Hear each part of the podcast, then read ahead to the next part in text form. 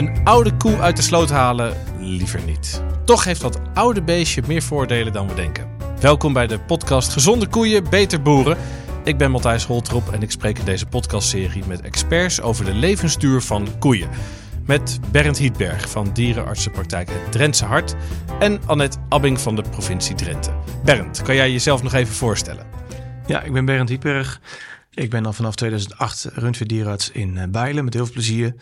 En naast het praktische werk van uh, kijken hoe koeien gezond houden op de boerderij en een patiënt en een spoedpatiënt, uh, heb ik me erg verdiept in het weidecoachen. Dus helpen om de koeien met veel plezier de wei in te krijgen. Maar ook de thema's daar rondomheen die bijdragen aan duurzaamheid. En ja, eigenlijk uitleggen wat we in de sector allemaal doen. Want er is af en toe wel eens een gebrek aan kennis over wat er in de sector allemaal gebeurt. En ik probeer daar een steentje aan bij te dragen door te vertellen of columns te schrijven of af en toe mensen te woord te staan. Zie je dat ook als je taak als dierenarts of meer vanuit een persoonlijke betrokkenheid? Allebei wel. Ik denk dat de dierenarts komen uh, ja, eigenlijk op alle veehouderijbedrijven in Nederland natuurlijk. Dus wij weten eigenlijk als geen ander, omdat we iedere dag op die bedrijven staan, wat er speelt uh, met die mensen en met de dieren. Dus ik denk dat we het heel goed weten.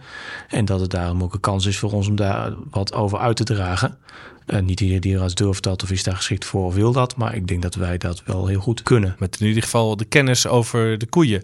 En Annette, wat is jouw betrokkenheid vanuit de provincie met de veehouderij? Ik werk bij de provincie Drenthe als projectleider van Duurzaam Boeren Drenthe. En daar in dat traject stimuleren we boeren om aan de slag te gaan met het verduurzamen van het bedrijf. En dat doen we op een hele praktische manier. En we geven boeren de juiste doelen mee. En dat zij zelf eigenlijk aan zet zijn, gewoon hoe ze die doelen dan uh, gaan behalen. Nu gaat het over levensduur. In hoeverre past levensduur bij die doelen? Ja, levensduur is niet een, in ons traject niet een doel zeg maar aan zich, maar is wel heel erg belangrijk uh, in de basis voor om, uh, om die doelen te kunnen behalen. Want een ouder dier is een duurzaam dier? Ja, ja. En uh, je, hoeft, ja, je hoeft dus niet vaker, je minder vaak koeien dan te vervangen. Dus hoe ouder ze worden, hoe beter. dus dat, nou, dat, dat helpt natuurlijk ook daarin enorm. Bernd, kun je de rekensom eens maken waarom dat duurzaam is om een koe ouder te laten worden? Je kunt het heel kort uitleggen door een, een koe die geeft melk als een kalfje heeft als ze een jaar of twee is. Dus de eerste twee jaar dat ze opgroeien is een hele mooie periode als boer om uh, je dieren groot te zien worden. Uh, ze eten en drinken dan wel, dus ze kost ook geld. Uh, en ze hebben ook uitstoot. Hè? Dus uh, ze hebben ook mest en ze hebben urine.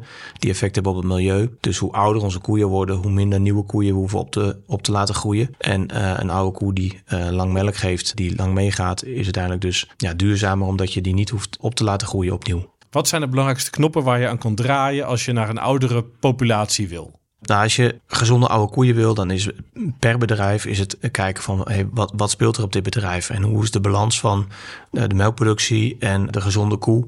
En ja, daar speelt eh, bijvoorbeeld de bodem en het voer van het bedrijf een hele grote rol in. En gezonde, gezonde bodem, dus mineralen die in de bodem in balans zijn, eh, geeft een, een, gezonde goede plant. Die zorgt weer voor goed ruwvoer. En goed ruwvoer is nodig voor een goede koe. En als die koe dat vervolgens goed verteert, dan heeft hij ook gezonde mest, die weer heel waardevol is voor de bodem. Want mest is eigenlijk ook voedingsstof, maar dan weer voor die plant. En als je dat cirkeltje goed in balans hebt en gezond hebt, ja, dan draait het goed en dan kunnen die koeien ook makkelijker gezond uh, oud worden. En daarnaast zijn natuurlijk heel veel management dingen op een bedrijf waar je als boer aan mee aan de slag kunt om te kijken hoe kan ik die koeien gezond oud krijgen. En daar kun je als dierenarts een belangrijke rol in spelen. Dus niet alleen aan ziek dier, maar signaleren van joh, als je daarin werkt of je zou daarin kunnen werken of zou je op langere termijn niet eens dat doen. Dan kunnen we gezonde oude koeien krijgen en die dragen weer bij aan nou ja, minder uitstoot, minder methaan, uh, minder stikstofuitstoot. Uiteindelijk ook voor waterkwaliteit. En dat zijn toch wel de grote landelijke thema's of uitdagingen waar we voor staan. En waar vanuit de provincie ook aan ons gevraagd wordt van nou, hoe gaan we daarmee aan de slag? En laten we daarmee aan de slag gaan. Dus als je met water en met de bodem uh, aan de slag wil, dan snijdt het mes aan twee kanten. Kan je een concreet voorbeeld geven wat je dan kan doen om dus water, uh, voer aan te passen in je eigen voordeel? Een voorbeeld waar we nu mee bezig zijn, misschien kan Annette straks ook wat meer over uitlichten, is het optimaliseren van eiwit. Dus kijken van kunnen we met minder eiwit in het voer de koeien gezond houden en dat de productie ook goed blijft. Omdat 1% minder eiwit voeren, 1% minder stikstofuitstoot is. En dus, als je dat op de provincieniveau bekijkt, is het natuurlijk, ja, is dat, is dat enorm. Als je alle veehouders in Drenthe 1 of 2 of misschien wel 5% zouden kunnen verminderen, dan hebben we op provinciaal niveau 5% minder uitstoot. En als dat lukt met gezonde koeien, of misschien blijven de koeien juist wel uh, gezonder daarmee, als we dat op een goede manier doen. Want een teveel is, is nooit goed. Dus ja, als we daar goed naar kijken, en dat is Niet per se heel makkelijk, maar dan gaan we met z'n allen willen we daaraan werken. eh, Om te kijken hoe dat, hoe dat kan. En dan kan het wel eens zijn dat de koeien daardoor juist makkelijk oud worden. Door ze ander voer te geven met minder eiwitten. Door goed te kijken van dat we ze in ieder geval niet te veel geven. Dus het eten is vaak een verhouding van energie en eiwit. En door de juiste dieren de juiste hoeveelheid energie te geven of juist de hoeveelheid eiwit te geven, kunnen we daar wat in sturen. En we, denken dat daar nog behoorlijk in geoptimaliseerd kan worden. Het heeft ook weer te maken met welk gras haal je van je land. Eh, vers gras heeft een hele hoge voederwaarde, dus hoe kun je zo goed mogelijk je verse gras benutten. En daarom vind ik het ook leuk als dierenarts en weidecoach om daar de boeren weer verder mee te helpen. Want vers gras is, naast dat het een mooi gezicht is dat koeien in de wei lopen, maar is kwalitatief gewoon zo'n ontzettend goed product. Maar je moet het wel goed benutten. En het weer is erg afhankelijk van de samenstelling. Of althans, het weer heeft veel invloed op de samenstelling van het gras. Dus ja, dan moet je als boer wel insturen hoe je daarmee omgaat. Klinkt als een eh, heel mooi aanbod hè, van Bernd. Dat hij zegt, nou, als boeren gaan sturen op voer... kunnen wij heel veel betekenen voor de duurzaamheid van Drenthe. Ja, dat is ook super. En ehm, daar werken wij dan ook samen aan. Ja. Want voor die opgave die, die er ligt, vooral ook voor de provincie Drenthe, maar voor alle provincies in Nederland, rondom wateropgave, maar ook eh, de stikstof en de natuuropgave en, en de bodem en het klimaat. We zien dat eigenlijk heel veel opgaven allemaal samenkomen bij die boer op het erf. Dat hij dus met, al, en met water te maken heeft en natuurlijk met die bodem en met het klimaat, dat alles samenkomt. En we zien ook dat er nog heel veel wel te behalen valt in, de, ja, in wat praktische maatregelen. Dus zoals Bernd omschrijft, in het ruw eiwit verlagen. Dat is uh, iets, uh, eigenlijk snijdt het mes wel misschien aan drie kanten wat dat betreft, uh, als het zou kunnen. Want vaak zie, zien we nog dat het vrij hoog is. Een soort van, nou de boer heeft eigenlijk een soort van verzekeringspremie. Hè? Dus want uiteindelijk, want waar Bernd ook als boer wil je veel liters melk over het algemeen produceren. En nou, als je het ruw eiwit kun je mee op sturen. Maar we zien dat het nog wat te verlagen is. En daarmee kun je dus ook als boer nog kosten besparen. Gewoon je, uh, je krachtvoerkosten. Maar uiteindelijk helpt het ook in het verlagen dus van de ammoniakemissie. En het draagt dus, uh, dus bij en dan aan het klimaat en aan de portemonnee van die boer. En, nou ja, en bij ons als provincie krijg je ook van ons nog een kleine beloning, staat er tegenover. Kan je uitleggen wat de provincie doet om die boeren daarbij te helpen? Nou, in ieder geval als, als uh, paraplu eigenlijk uh, bieden wij onder de naam Duurzaam Boeren Drenthe een, een beloningsregeling aan. We hebben elf kritische prestatieindicatoren en één daarvan is dan ruw eiwit. Als je daar een bepaalde waarde op haalt, dan krijg je daar een geldbedrag voor. Dus als jij het goed doet, dan staat daar een beloning zeg maar, tegenover. Het stimuleren helpt meer dan straffen, zeg maar. Dus, dus en dat doen we al een aantal jaren. En uh, net begin dit jaar hebben we het weer uitgebreid met meer KPI's. En hoe we dat dan concreet daarin helpen, dus wat bieden we dan aan, is dat wij nu binnenkort starten met studiegroepen. Dat bieden we aan eigenlijk aan niet alleen aan de deelnemers van dit traject, maar aan alle Drentse melkveehouders die kunnen meedoen aan een studiegroep over ruw eiwit. Dus, iedereen krijgt les over hoe je die bonus binnen kan halen. Ja, maar je hoeft, ja, je hoeft niet per se aan dit traject dus mee te doen. Je mag ook, elke melkveehouder kan hier dus aan, uh, aan meedoen. En uh, les, ja, nou, je krijgt les, maar je gaat vooral samen met uh, acht tot tien collega-boeren aan de slag om te kijken hoe ga ik dat op mijn bedrijf doen. En een van die begeleiders is dan Bernd, die dan zo'n groep begeleidt. Je komt ongeveer vier keer uh, per jaar bij elkaar en je gaat dus echt samen aan de slag. De rol van de provincie is erbij dus om een beetje als regisseur van... jongens, hier is een pot met geld, ga aan de slag en ga verduurzamen. Nou, niet helemaal. Je niet alleen maar als een pot met geld. We zorgen ook uh, voor, dus we niet alleen met het pot geld beschikbaar maken en gaan we aan de slag. We hebben wel een heel programma er eigenlijk omheen gemaakt, uh, dat je ook concrete zaken krijgt aangeboden waarmee je aan de slag kan. Ja. En dan zoeken we inderdaad dus mensen bij die ons daarmee kunnen helpen. Dat doen we natuurlijk niet alleen. Bernd, is er al belangstelling vanuit de veehouders?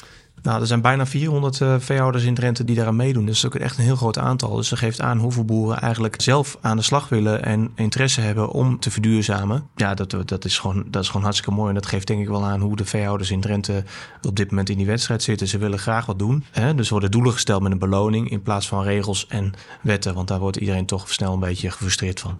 Die discussies hebben we gezien en demonstraties en dergelijke. En zorgt dit dus ook voor een nieuwe sfeer? Bij boeren van uh, een soort constructieve houding? Ik merk dat steeds meer boeren de mogelijkheden zien die het biedt. En daar proberen wij ook een actieve rol in te spelen. Als praktijk door uh, hebben we al, eigenlijk al, bijna twaalf jaar lang levensduur heel hoog op, het, uh, op onze agenda staan. Dat we veehouders daarmee helpen. Omdat die hoge levensduur op allerlei manieren bijdraagt aan het milieu. Maar we willen ook graag een gezonde oude koe. Een koe die op een hele prettige manier eh, oud kan worden. Daarnaast extra weidegang kan erg bijdragen aan de milieudoelen. Omdat als een koe in de wei loopt, bijvoorbeeld de mest en de urine niet op dezelfde plek valt. als de mest en urine bij elkaar komt, dan krijgen we die ammoniakuitstoot. Dus zo kan, als een koe 500 uur meer per jaar naar buiten gaat, kan de uitstoot ook 5% verminderen. Dus dat is een tweede. En een derde, eh, waar mensen ook redelijk makkelijk mee aan de slag kunnen, is uh, mest verdunnen. En zorgen dat de plek waar de mest van de koeien valt, dat die zo schoon mogelijk blijft. Dus dat kan met schoonspoelen, dat kan met automatische robotschuifjes. dat zijn dan vier hele makkelijke dingen.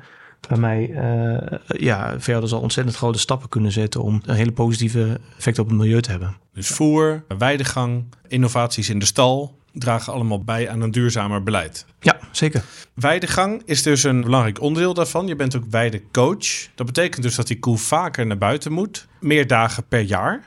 Wat is daarvoor nodig? Want je zou zeggen, zet het hek open en hoppakee, naar buiten allemaal. Maar wat komt daar dan nog meer bij kijken? Ja, nou, zo makkelijk is dat niet. Als je van de buitenkant naar kijkt, zou je denken... we doen de deur open en de koeien rennen naar buiten. En dat doen ze ook. Ja. Maar met alleen naar buiten rennen zijn we er niet. Want het gaat vooral om dat die koe dan buiten ook vers gras gaat eten. Omdat het gras een hoge voederwaarde heeft... en omdat we graag die koe dan buiten willen laten eten. Als ze daar alleen maar loopt en lantervandt... ja, dan geeft ze op een gegeven moment ook geen melk. Dan zijn ze alleen maar aan het spelen, bij wijze van spreken.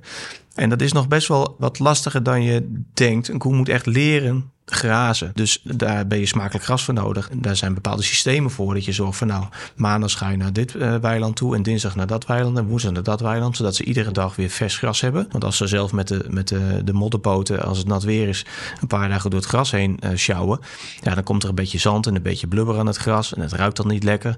Uh, dus zo zijn er wat foefjes of wat systemen bedacht om de koeien het iedere dag zoveel mogelijk naar de zin te maken in de wei met een goede grasopname. Want ja, willen ze graag langer naar buiten hebben. Nou, dat kan ook betekenen vroeg in het voorjaar beginnen. Het voorjaar zijn de nachten koud. En als de zon dan schijnt, komt suiker in het gras. En in een koude nacht, dan staat het gras eigenlijk stil. Dus dan blijft dat suiker in het gras. Dus in het voorjaar heb je veel suiker. En koeien vinden suiker hartstikke lekker. Dat is net als snoep voor mensen, zeg maar. Dus koeien mogen dan heel graag naar buiten gaan, vinden het gras lekker. En het voorjaarsgras kan de koe ook heel goed benutten. Dan heb je heel weinig verliezen, omdat die suikers veel energie geven in de pens. En de koe is uiteindelijk een herkauwen, waarin de pens met heel veel bacteriën en, en, en, en protozoa ervoor zorgt dat gras verteerd kan worden. En de suikers in gras die helpen daarbij. Maar een koude nacht lijkt me ook geen pretje. Koeien kunnen heel goed tegen de kou. En uh, naast de dagen lang zijn, midden in de zomer, en het is warm, dan is er vaak ook uh, dag- en nachtweidegang. Maar in het voorjaar en najaar is het vaak alleen overdag. Want anders moet je s ochtends, voordat je gaat melken, echt in het donker de koeien zoeken. En dat is niet heel, uh, heel praktisch. Als de koeien naar de zin hebben, dan blijven in de wei. Maar ook voor stalbedrijven die wat voor reden dan ook een koeien op stal houden. Omdat de omstandigheden daar voor hun beter zijn. Of omdat er een snelweg voor hun huis langs loopt. Dat ze de koeien niet makkelijk naar de wei kunnen doen. Daar zijn ook mogelijkheden om ja, de juiste kuil te maken. Dat je het eiwit zo goed mogelijk benut. Of soms ook met vers gras door het uh, te maaien en direct aan de koeien te voeren. Uh, kijk van nou, hoe kan ik zoveel mogelijk van mijn eigen land halen. Dat zo goed mogelijk benutten. En dat het ook ja, dat het niet uit de bocht vliegt. Dat de koeien daar op een gezonde manier uh, goede en lekkere melk van maken. En daar, daar help, help je dan als weidecoach mee. Om die koe ouder te laten worden, voldoet het dan om alleen te letten op lekker gras? Of moet je ook andere onderdelen van de voeding stimuleren? Nee, zeker niet uh, alleen gras. Kijk, gezonde voeding is, is, is de basis. Bij mensen is ook zo, als je, dat wordt denk ik steeds duidelijker als je gezond, onbewerkt voedsel hebt, dat je gewoon veel gezonder bent en uh, veel minder snel ziek wordt. En dat geldt voor koeien ook een beetje. Dus als we gewoon gezond, goed voer geven, ze herkauwen goed, dat is een basis. Daarnaast houden koeien heel erg van regelmaat. Nou, iedere dag de dingen hetzelfde doen. Koeien wat vrijheid geven. En we zijn ook steeds verder met het optimaliseren van de stallen. Die periode dat ze wel binnenstaan of de bedrijven waar de koeien op stal staan, die worden steeds verder geoptimaliseerd. Neem bijvoorbeeld ventilatoren in de zomer. Tien jaar geleden had niemand dat nog. En bijna in iedere stal hangen nu uh, enorme ventilatoren om als het warm weer is te zorgen voor een lekker fris windje. Al dat soort dingen, die dragen ook bij aan uh, het gezond ouder worden van koeien. Want als je met heel warm weer, ja, noem, echt in de brandende zon staat, ja, dan, dan word je toch sneller ziek. Hè? Dat, uh, ja. dat is niet gezond. Bernd heeft net hele praktische tips gegeven over hoe je goed gebruik maakt van uh, gras en van voeding. Hoe kan de provincie verder dit aansturen? Ja, hoe, hoe we dat nu uh, aansturen en juist stimuleren, hè, dat, de praktische zaken die, die Bernd net uh, zegt, is juist dat wij niet op die stoel van die boer willen zitten, maar hem doelen mee willen geven. Dus meer aangeven van uh, nou, qua klimaat, waar, welke kant, uh, wat, wat voor opgave hebben we qua CO2, uh, bijvoorbeeld met de stikstof en met water. En welke dus, doelen zijn dat? De doelen gaan, gaan bijvoorbeeld meer over de kaderrichtlijn water of over de klimaatopgave die voor ligt en de stikstofopgave hè, vanuit de natuur. Maar die kunnen wij dan door gaan vertalen naar een doel op bedrijfsniveau. Want deze doelen zijn meer landelijk. En die probeer je van, maak het concreet eigenlijk voor een boer. Van wat betekent dat nu voor mij? En dat doen we dan door middel van, het heet kritische prestatieindicatoren. En dat zit eigenlijk tussen de doelen en hele praktische acties in. Want we hebben zelf zoiets van: je kan beter niet op die stoel van die boer gaan zitten. Want die weet immers zelf veel beter op welke plek die boert. De grond is verschillend, ook binnen Drenthe, zeg maar, verschillende grondsoorten. Je situatie is, uh, is anders. Je, hebt misschien andere uh, koeien. Of je financiële situatie is anders. Dus overal heb je wel weer net andere type bedrijven. Dus we hebben zoiets van, eigenlijk moet, je, moet gewoon niet op die stoel van hem gaan zitten, maar uh, meegeven van waar je dan naartoe wil. Qua, op het resultaat. Op het resultaat, precies. Ja. En uh, daarom zijn we gestart met het traject dat Duurzaam Boeren Drenthe heet, om meer die doelen mee te geven aan de boeren. Kan je die doelen omschrijven? Zoveel procent meer dit en zoveel procent meer dat? Nou, dat hebben we bijvoorbeeld omgezet naar elf kritische prestatieindicatoren. En daarbinnen zitten er bijvoorbeeld een aantal die hebben te maken dan met de stikstofopgave. En dan hebben we uh, de ammoniakemissie, ureum, eiwit van eigen land. En daar hebben we dan een streefwaarde aan gehangen. Dus als je een bepaalde waarde haalt, krijg je daar dan ook een beloning voor. En er zit ook een staffel zeg maar in. En uh, als je het over klimaat hebt, dan hebben we het over de CO2, broeikasgasemissie. En bijna al die indicatoren, die komen uit de kringloopwijzer. Dat is eigenlijk een soort boekhoudrapport wat uh, nagenoeg alle melkveehouders al moeten bijhouden voor hun zuivelfabriek. Dus ze zijn al uh, gewend aan die cijfers. Dus we, we, gaan ook niet iets nieuws verzinnen, zeg maar. Dat is ook niet ons idee. Dus die, die uh, scores, die, die heeft hij zeg maar eigenlijk al. Hoe wordt erop gereageerd door de boeren? Ja, heel positief. Ja, de boeren geven, die vinden het wel juist wel fijn om juist meer een concreet doel mee te ge geven. En dat zij, uh, nou ja, dat, dat ze ook zien dat wij zeggen van laat het vakmanschap maar lekker bij mij. En ik weet wel hoe het moet.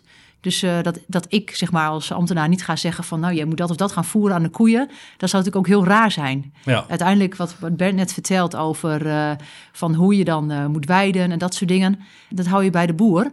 En we willen hem wel weer ondersteunen daarin dat hij die kennis opdoet. En daarvoor heb ik onder andere contact met Bernd. Hè, dat, dat hij uh, juist die kennis weer kan, uh, kan geven. En is deze aanpak uniek voor Nederland, deze Drentse benadering? Uh, ja, we zijn de eerste provincie die dit gestart is. In 2016 is eigenlijk al de oorsprong. En in 2018 zijn we echt begonnen met die, nou ja, die kritische prestatieindicatoren aanpak. En om daarvoor te gaan belonen. Eigenlijk om meer de bewustwording bij boeren te stimuleren. En, ja, en ook op een positieve manier zeg maar, aan de slag te gaan met het verduurzamen van het bedrijf.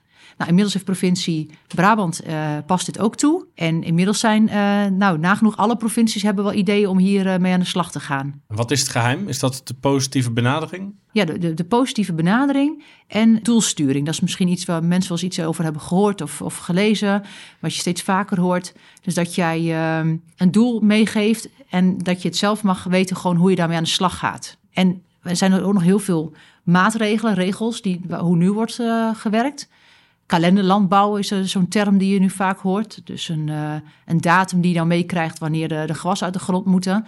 Met dat soort type acties kun je wel je doel behalen, maar dat is gewoon niet praktisch eigenlijk. Omdat de natuur, ja, nou ja, nu is het bijvoorbeeld heel nat uh, dit najaar. ja, dat, is, dat valt niet altijd te sturen. Nee, in het verleden ja, hebben we natuurlijk een hoop gedoe gehad met boeren vanwege juist regels over duurzaamheid. Uh, als ik jou hoor, gaat het eigenlijk heel constructief en positief. Dus dan is toch de vraag: is dit de manier om uiteindelijk die hogere doelen ook allemaal te kunnen behalen? Of is dit onvoldoende? Of moet er nog een slag worden gemaakt? Nu worden die verplichte maatregelen, zeg maar, die worden nu vaak genomen omdat, dan, omdat dat uh, een soort van te controleren is. En uh, deze systematiek, dus dit project wat wij doen, dat is ook juist bedoeld omdat het eigenlijk nieuw is en om te ondervinden van hoe, hoe werkt dat zeg maar dan. Dus uiteindelijk als je daar regelgeving door wilt laten vervangen, dan moet je natuurlijk wel enige zekerheid hebben dat de cijfers dan ook, dat je daar ook, dat die ook betrouwbaar zijn en dat daar ook uh, geen discussie over is. Nou, dat zijn bijvoorbeeld dingen waar je dan nog echt wel mee aan de slag moet. Als veehouders hier vragen over hebben, waar kunnen ze dan terecht? Bij provincie Drenthe, bij mij. En uh, we hebben ook nog acht uh, boeren voor dit project hier. Uh, want dat is denk ik ook wel geheim van het succes. Dat er acht melkveehouders zijn. Ten nu toe richten we ons op de melkveehouderij. Acht melkveehouders verspreid over Drenthe. Die ehm, zijn gebiedscontactpersoon, hebben ze genoemd. Een soort ambassadeurs. Precies, ambassadeurs en contactpersoon voor de boeren in hun gebied. Dus nou ja, op onze website Duurzaam Boeren Drenthe staan die ook genoemd.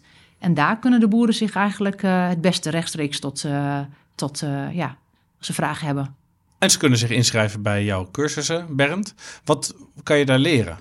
Waar we mee gaan uh, starten is in uh, groepsverband uh, veehouders helpen die stappen willen zetten op deze punten om die doelen te halen. Dus van elkaar leren. Dus we, gaan van, van, van bodem naar voer, naar koe, naar mest. Het cirkeltje wat op het bedrijf speelt. Dan gaan we met elkaar kijken van op welke punten zou je dingen kunnen veranderen zodat het optimaal loopt.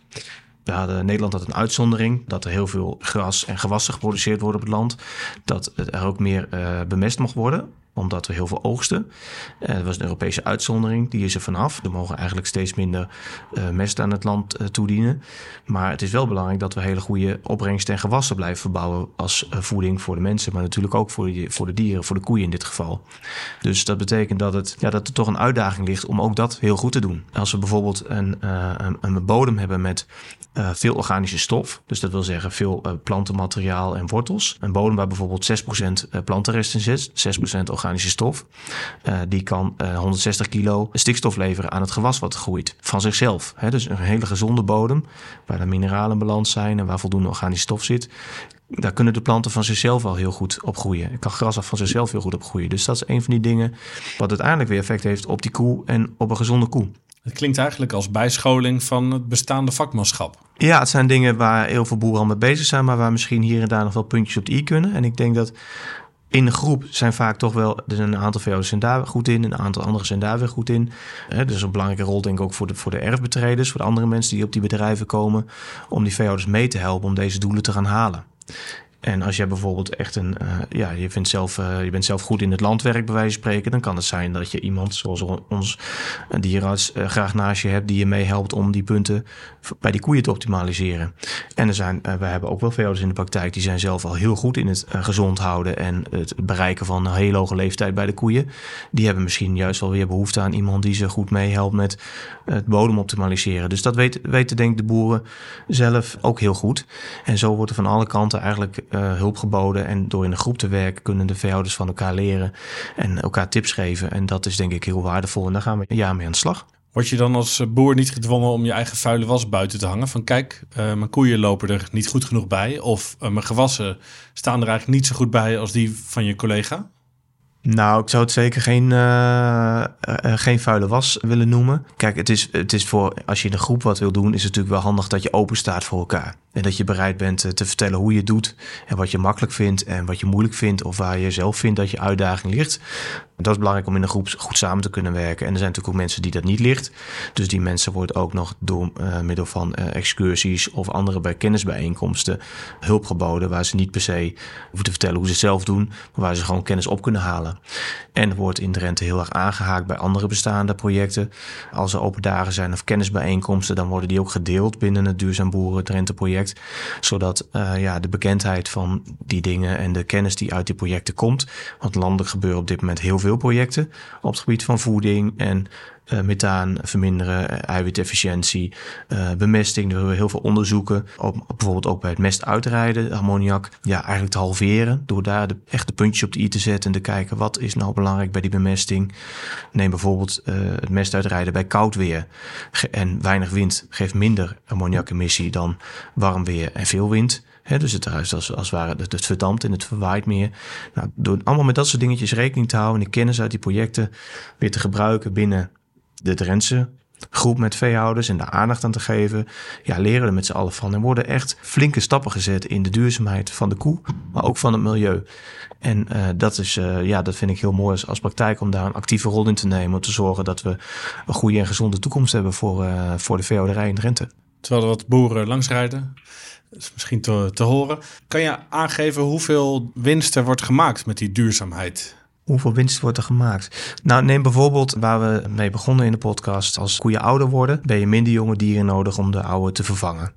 Stel dat we 5% minder vervanging nodig hebben, dan is de totale methaanuitstoot al 3% lager. En methaan is een heel bijzonder gas, omdat het veel schadelijker is nog dan CO2. Daarom maakt dat zo'n verschil. Hè? Nou, methaan is uh, een gas wat uh, bij de koe vrijkomt bij de vertering en ook bij de opslag van de mest. Dat is helemaal zo. Maar we kunnen wel kijken van hoe kunnen we binnen dat dier dat zo goed mogelijk uh, wat kunnen we doen om die methaanuitstoot te verminderen? Nou, er zijn uh, al uh, innovaties, al supplementen die dat toevoegen. Maar ja, ik hou er zelf van om vooral te kijken van wat kan ik in de basis doen op dat bedrijf? Of wat kun je doen om, het, ja, om, dat, om dat te verminderen? Want dat bespaart vaak ook geld.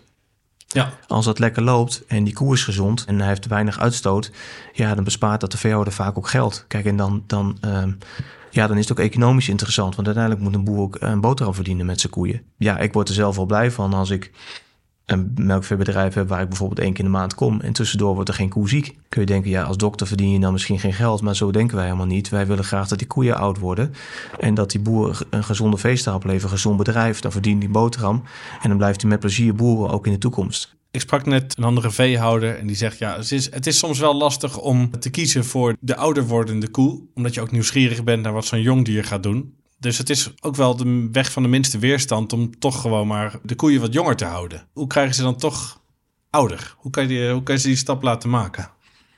Een gezonde oude koe is heel prettig. Maar als een oudere koe op een gegeven moment uh, slijtage heeft, omdat ze minder goed begint te lopen, of omdat het eier groot wordt na een heel aantal jaren, of hè, dus dat je er veel extra werk van krijgt, dan moet je er wel heel veel extra inspanningen voor doen. Dus het is de kunst om te zorgen dat die koe eigenlijk gezond oud wordt en uh, zo min mogelijk ouderdomsklachten heeft. Natuurlijk, als je hier uh, in het dorp kijkt en er lopen, noem maar wat, oudere mensen van 70 plus, ja, die lopen ook niet allemaal top meer. En dat is bij koeien ook zo, maar dat wil je graag beperken. Dus door aan de voorkant alles zo goed te doen. Het comfort zo goed te doen, de huisvesting zo. Dat de koeien vooral heel goed blijven lopen, blijven eten. Dat je er geen extra werk van hebt. Want een jong dier die is gewoon heel sterk en elastisch. En die sprint door de stal. En dat zie je regelmatig. Dat jonge koeien gewoon alleen of met een groepje echt door de stal heen lopen te sprinten. En ook in de wei zie je het natuurlijk. Die kracht die die jonge dieren hebben, die wil je zo lang mogelijk vasthouden. En dan is het geen extra werk. En als ze oud worden, ja, dan, dan, dan bespaart het gewoon geld. Ja. ja. En er is heel plezier en af en toe als koeien echt heel oud worden en ze bereiken een mijlpaal van bijvoorbeeld 100.000 liter melk, dan zetten we die boer ook graag uh, in het zonnetje met, uh, ja, met, een, met een speciaal uh, bordje en een compliment. En dan wordt het vaak even gevierd. Want ja, als je mooie doelen bereikt, of de koeien bereiken een hele hoge levensduur, dan proberen we dat echt te belonen en waardering daarvoor te geven. Want dat is ook echt heel belangrijk in de tijd waar best wel veel kritiek is op mensen. Dat je toch ook vooral heel positief blijft kijken en de kansen ziet en kijkt hoe kan ik daar ja, de positiviteit in vinden. Wat vind jij een mooie leeftijd voor een koe? Ik vind het heel mooi als koeien 10 jaar oud worden. Een uitzonderlijk oude koe gaat van 23 jaar. 23? 23, ja. Dat is echt extreem.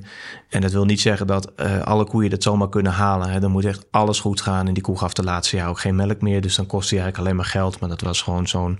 Ja, die boer is zo gehecht aan die koe. Die zei, die mag je gewoon uh, oud worden zo oud als ze wil. Ja, dat lukt lang niet altijd. Koeien blesseren zichzelf ook wel eens. Wat ik net zei, ze gaan sprintjes trekken door de stal. Ze botsen wel eens tegen elkaar. Ze zijn echt niet altijd lief voor elkaar. Dus uh, ze beschadigen elkaar wel eens. Nou, dat kunnen allemaal redenen zijn waarom een koe uh, toch soms als hele jong dier al het erf uh, verlaat.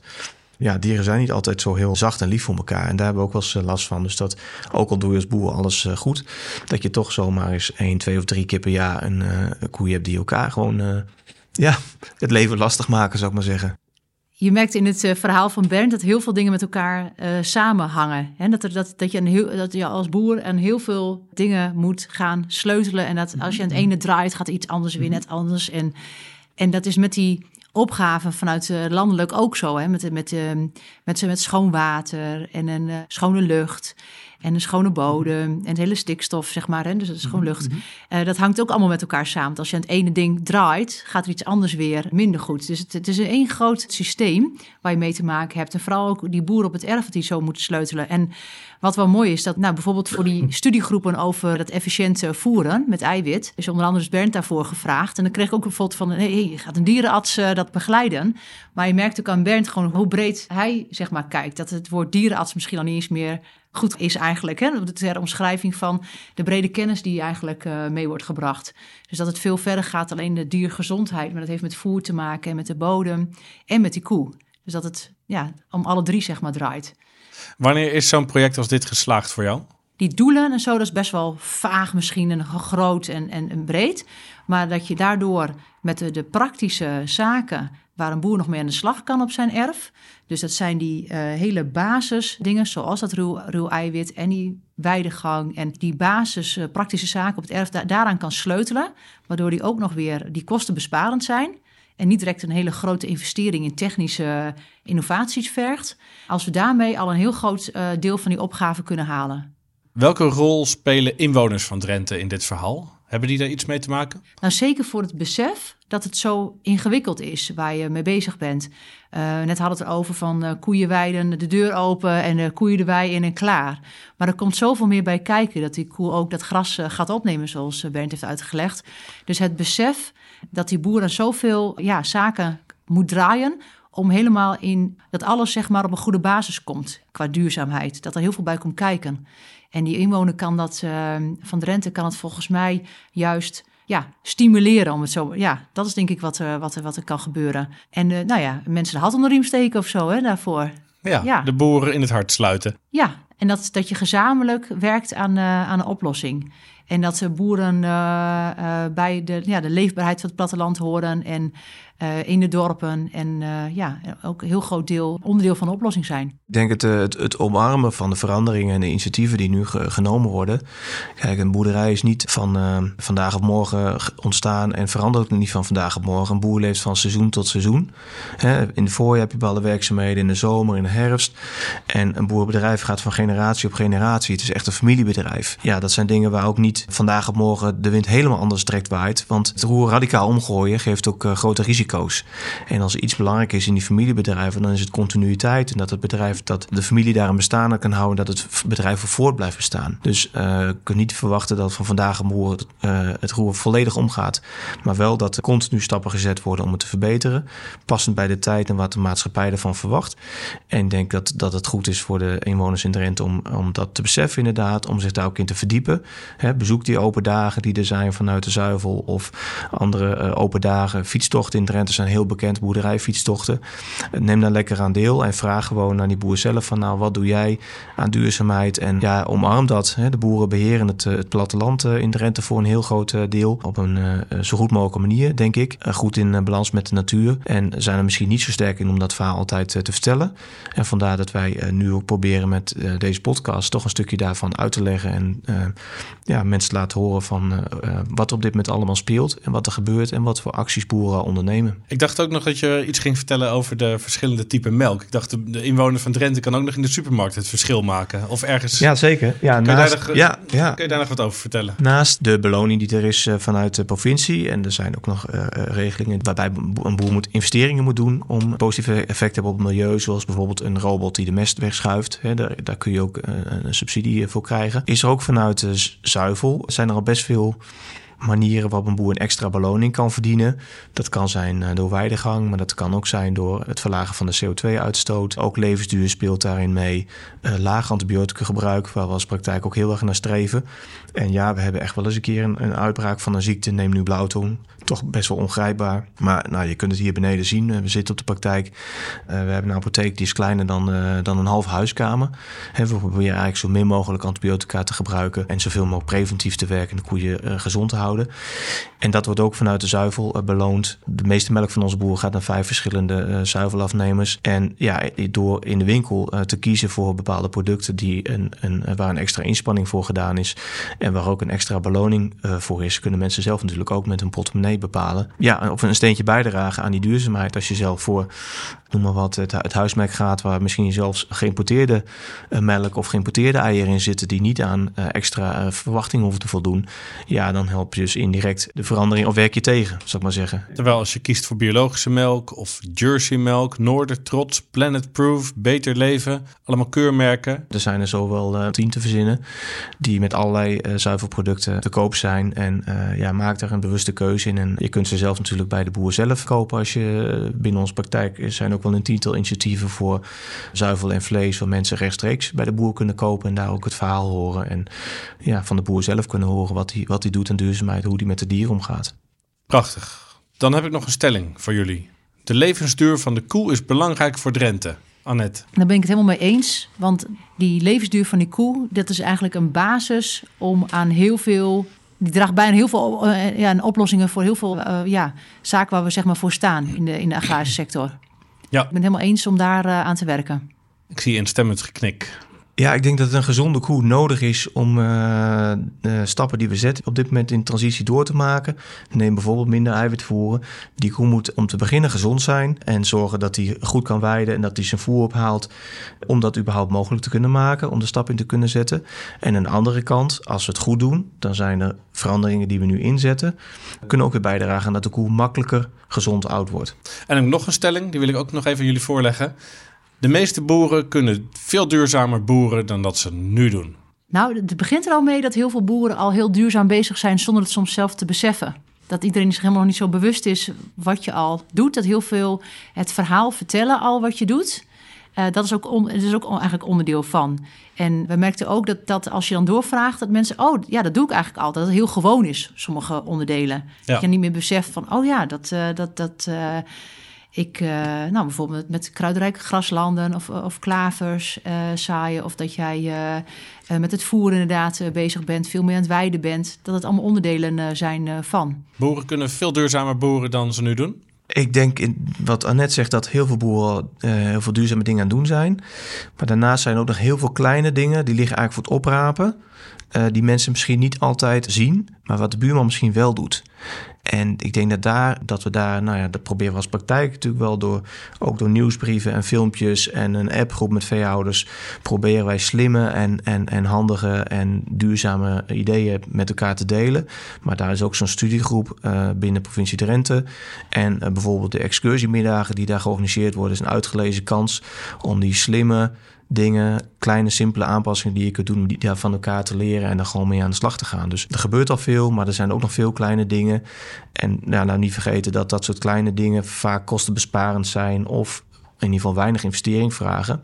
we kunnen ook met hele moderne technieken het probleem oplossen. Ik noem maar wat, een stal volledig afsluiten, de lucht afzuigen, de lucht helemaal filteren of bewerken of wat dan ook.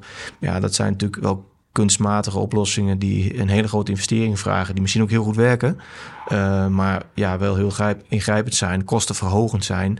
En dan moeten we op lange termijn ook altijd afwachten of die techniek werkt en onder alle omstandigheden werkt en ook blijft werken en ook onderhouden wordt om te voldoen aan wat we ervan verwachten. En als we met management bezig gaan, met kleine eenvoudige dingen, het verminderen van sommige dingen, ja, dan weet je eigenlijk dat dat werkt altijd. En ja. uh, daarop uh, reagerend, uh, een boer zijn we eens van het is eigenlijk de goede landbouwpraktijk. Dat daar nog heel veel te halen valt. Weet je, in de basis, dat daar nog veel te halen valt. Inderdaad, niet direct techniekoplossingen nodig zijn. Eerst maar eens met die basisdingen beginnen. En dat is dus ook juist wat we vanuit de provincie stimuleren. Om daar in die basis eerst nog daar dat eerst maar eens. het laaghangende fruit even te plukken. Ja, zo zou je het kunnen noemen. Ja, ja misschien een ander voorbeeldje nog. Bijvoorbeeld de zuurtegraad van de bodem. Als de, de, de pH goed op orde is, dan komen de mineralen die in de bodem zitten beter vrij voor de plant. Maar via de plant uiteindelijk ook in het dier. Dus relatief eenvoudig om de zuurtegraad van je grond goed te onderhouden. Zodat de mineralen die in de bodem zitten vrijkomen en ook in het dier komen. Heb je uiteindelijk dus een gezondere bodem, beter gewas, beter dier. Nou, het is relatief simpel, wat niet op ieder bedrijf heel actief gebeurt. Maar als je mensen daar bewust van maakt of die ervaringen deelt en ziet wat het voor positieve bijdrage kan hebben, kan het zo een, een gewoonte worden. En dan kun je zo in de hele provincie of in ieder geval bij heel veel bedrijven stappen zetten wat bijdraagt aan een gezonde oude koe. Hoe mooi is dat? En een duurzamer boerenbeleid. Ja. Noem ik maar. Ja. En dat niet alleen maar met uh, informatie zenden, zeg maar, hè, en, en uh, collegeachtig, maar juist boeren onderling weten al ontzettend veel. Dus gewoon van elkaar leren, uh, daar zit ook de kracht. Drentse boeren die willen werken aan gezonde koeien en levensduur kunnen contact opnemen met dierenartsenpraktijk Het Drentse Hart. Boeren die interesse hebben in de studiegroep eiwitefficiëntie en bodem-plant-dierrelaties kunnen contact opnemen met de provincie Drenthe. In de volgende aflevering veearts Tjarda Sinnige en veehouder Judith Oldewening.